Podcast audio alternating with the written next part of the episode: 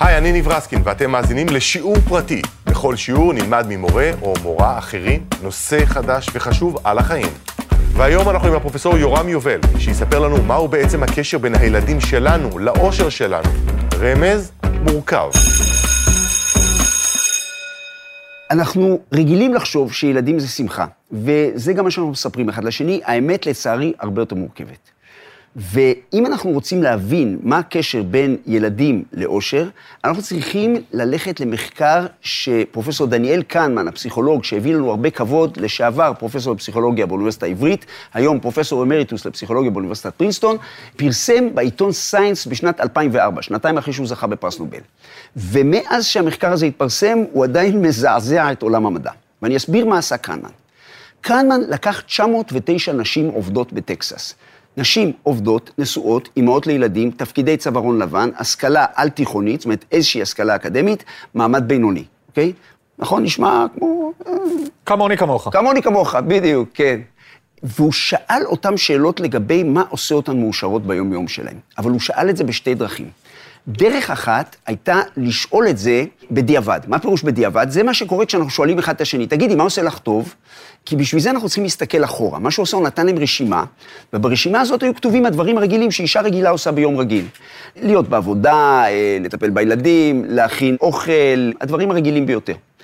ואחרי זה הוא שאל את אותן נשים, את אותה שאלה לגבי אותם דברים, אבל בדרך שמכריחה אותם לדווח על איך זה מרגיש בזמן אמיתי. הוא לא באמת הלך אחריהם בזמן אמיתי, אבל הוא קיבל את התוצאות, זה בעצם מה שהוא מראה במאמר, של איך שזה בזמן אמיתי.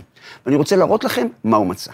אז ככה, כשהוא שאל את זה במבט לאחור, אוקיי? אז זה מה שהוא קיבל. מקום ראשון, לטפל בילדים, מקום שני, טיולים משפחתיים, מקום שלישי, לדבר עם חברים, מקום רביעי, תשימו לב, הוא לא שאל לעבוד, הוא שאל להיות בעבודה, to be at work, כן, אם את עובדת או לא, לא שאלנו גברת, אבל איך להיות בעבודה? הנתונים האלה לא חדשים, הנתונים האלה ידועים בעולם המדע לפחות 40 שנה. אם זה כל מה שקנון היום רוצה, אף אחד לא היה מפרסם את התוצאות האלה בסיינס, שזה עיתון טוב מאוד. אני ניסיתי כמה פעמים להכניס מאמר לסיינס, לא הצלחתי. וסיינס פרסם את זה, ונכון עשה כשפרסם את זה, כי אני רוצה להראות לכם, ובגלל זה הוא פרסם את זה, מה מצא קנמן, כשהוא שאל את אותן נשים, את אותן שאלה, לגבי אותם דברים, אבל הפעם הוא בדק איך זה מרגיש בזמן אמיתי. אז הנה התוצאות שהוא קיבל. אתם מוכנים? מסתכלים על זה, רואים איך זה יכול להיות. זה לא יכול להיות. אז התשובה היא, זה כן יכול להיות. זה ועוד איך יכול להיות. יש לנו במדע אוסף אדיר של נתונים שמראים שילדים עושים סיכול ממוקד באושר, באלף, של ההורים שלהם. עכשיו, אני לא אומר שזה נכון תמיד, אבל זה נכון לגבי רוב הזוגות רוב הזמן, פה בעולם הראשון. ולמעשה יש נתון מחקרי שחוזר על עצמו שוב ושוב ושוב ושוב ושוב, עד שקראו לו גרף היו, ואני רוצה להסביר מה זה. כשלוקחים בני זוג רגילים בעולם הראשון, ובודקים איך נראית רמת העושר שלהם, באלף, לאורך חיי הזוגיות שלהם, אז מה שמקבלים זה עקומה כזאת, עקומה יורדת ועולה. ואחרי שזה חזר על עצמו מספיק פעמים, קראו לזה גרף היו. מה זה אומר? שאם ניקח זוג רגיל ונשאל מתי שני האנשים האלה יהיו בפסגת העושר הזוגי שלהם. אז התשובה היא, זמן קצר אחרי שהם התחתנו, או אחרי שהם עברו לגור יחד. ועם כל ילד שייוולד להם, וגבירותיי, רבותיי, גילוי נאות, יש לי חמישה ילדים שיהיו בריאים. עם כל ילד שייוולד להם, רמת העושר שלהם תתחיל לרדת, ועם כל ילד נוסף, היא עוד תרד. וכשהילד הראשון שלהם יגיע לגיל ההתבגרות, ואז הם מתחילים להוציא לנו את הנשמה, רמת העושר שלהם תגיע לשפל. וזה לא מקרה שיש פה כל כך הרבה גירושים בנקודה הזאת, כי לפחות אחד בני הזוג כבר לא יכול יותר, כן? זה, זה כבר בלתי נסבל. אבל יש גם אור בקצה המנהרה.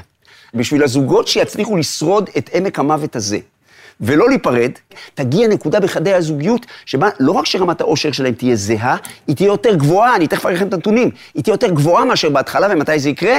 לא סתם כשהם עוזבים את הבית, כשהאחרון עוזב את הבית. ואני רוצה להגיד לכם, ושוב, אנחנו יודעים בימי הקורונה האלה, שזה מאוד מאוד מאוד מאוד לא פשוט להיפטר מהם. אז מה בעצם אמרתי לכם? האם אמרתי לכם שהכי טוב להיות זקן? כן? זה מה שאני רוצה להגיד, שהכי טוב להיות זקנים, והתשובה המדהימה היא, אצלנו בעולם הראשון, התשובה היא כן, ועוד איך, כן? יש דבר כזה זקנים מאושרים.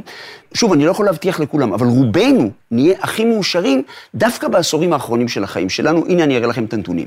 זה מתוך המחקר הגדול ביותר שנעשה בתחום הזה, סטום וחבריה, 2010, N שווה 340 אלף, אוקיי? 340 אלף אמריקאים, התלות של רמת העושר בגיל.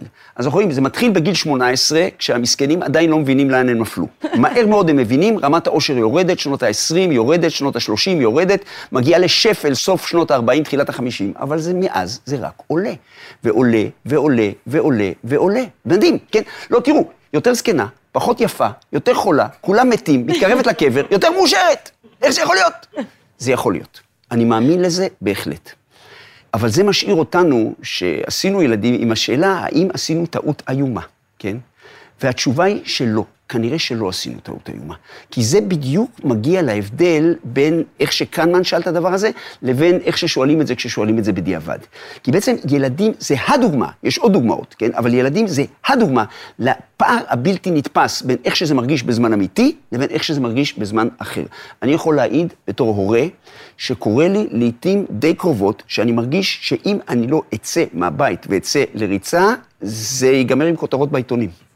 אז זה נראה ככה, אבל מצד שני, אם ישאלו כל אחת ואחד מאיתנו, כולל אני דרך אגב, כן? מה זה הדבר שעליו אתה הכי שמח בחיים שלך? אנחנו נגיד, ונגיד בכנות, זאת האמת, הילדים שלנו. ולמה בעצם? אנשים פעם חשבו בטעות שאושר שווה הנאה, וזה לא נכון, הנאה באלף. הנאה זה חלק מאושר, אבל זה רק חלק קטן מהאושר. חלק הרבה יותר גדול מהאושר זה משמעות, זה מה שנותן משמעות לחיים שלנו. וילדים נותנים משמעות לחיים שלנו. אנשים לוקחים את ההורות שלהם מאוד מאוד ברצינות, מתאבדים עליה, באמת מביאים את המיטב. תחשבו על הבן אדם שאתם מכירים באופן אישי, ואתם הכי לא סובלים. הנחש הכי גדול, המכשפה הכי גדולה, בן אדם שלא יהסס ללכלך עליכם ולשקר לכם ולרמות אתכם, ובאמת בן אדם נורא. עכשיו תחשבו על איך האיש או האישה הזאת מתייחסים לילדים שלהם. ואז תראו שאפילו אנשים איומים, ממש איומים, ברגע שזה מגיע לילדים שלהם, יוצא מהם משהו טוב. וזאת הנקודה החשובה, שבסופו של יום אנחנו נשארים עם המשמעות. הקשיים חולפים, המשמעות נשארת. ולכן אם חוזרים חזרה לטל בן שחר ולשקופית הזאת, פרופסור טל בן שחר, והשקופית הזאת שהראיתי לכם, עושר שווה הנאה פלוס משמעות, אז נכון, יש תפקיד להנאה, כן? אבל זה מעט. מה שיקבע את עיקר רמת העושר שלנו בחיים שלנו. ואז שואלים, אבל למה זה כל כך קשה? ואז אני אומר, חבר'ה, ילדים זה בעצם כמו כל דבר אחר בחיים. לפני שיהיה לכם טוב, יהיה לכם רע. כמעט כל דבר ששווה לעשות אותו בחיים, שיגרום לנו, שיהיה לנו יותר טוב בעתיד, וזאת סיבה, דרך אגב, שהזקנים יותר מאושרים, זה גם קשור לנכדים. נכדים זה ווין ווין. כל היתרונות של ילדים, בלי כל החסרונות של ילדים. נכון. הבעיה היא שבשביל להגיע לנכדים צריכים לעבור קודם דרך ילדים. תראו, בני ישראל ישבו במצרים, אוקיי? היה להם נורא, כן, בכו, צעקו, משה מוציא אותם עם הרבה פירוטכניקה מארץ מצרים, מה הדבר הראשון שהם עושים? מתחילים לבכות. נכון? זכרנו את הדגה אשר אכלנו בארץ מצרים, לא טוב להם. ומשה אומר, כן, כן, אני מבין, אני יודע, לא פשוט. חבר'ה, תעברו את המדבר, בצד השני מחכה להם ארץ טובה. נכנס להם מפה, יוצא להם מפה. ככה ילדים. אז חבר'ה, תנשמו עמוק, לא עשינו טעות, כן? בסופו של דבר הילדים יעשו אותנו מאוד מאושרים, ומדי פעם יש לנו איתם רגעי אושר. וזה המצב, וככה טוב, אז עופו על הילדים שלכם. עד כאן השיעור הפרטי של הפרופסור יורם יובל. אתם יכולים למצוא אותנו במאקו, ב-N12 ובכל אפליקציות הפודקאסטים. תודה שהאזנתם.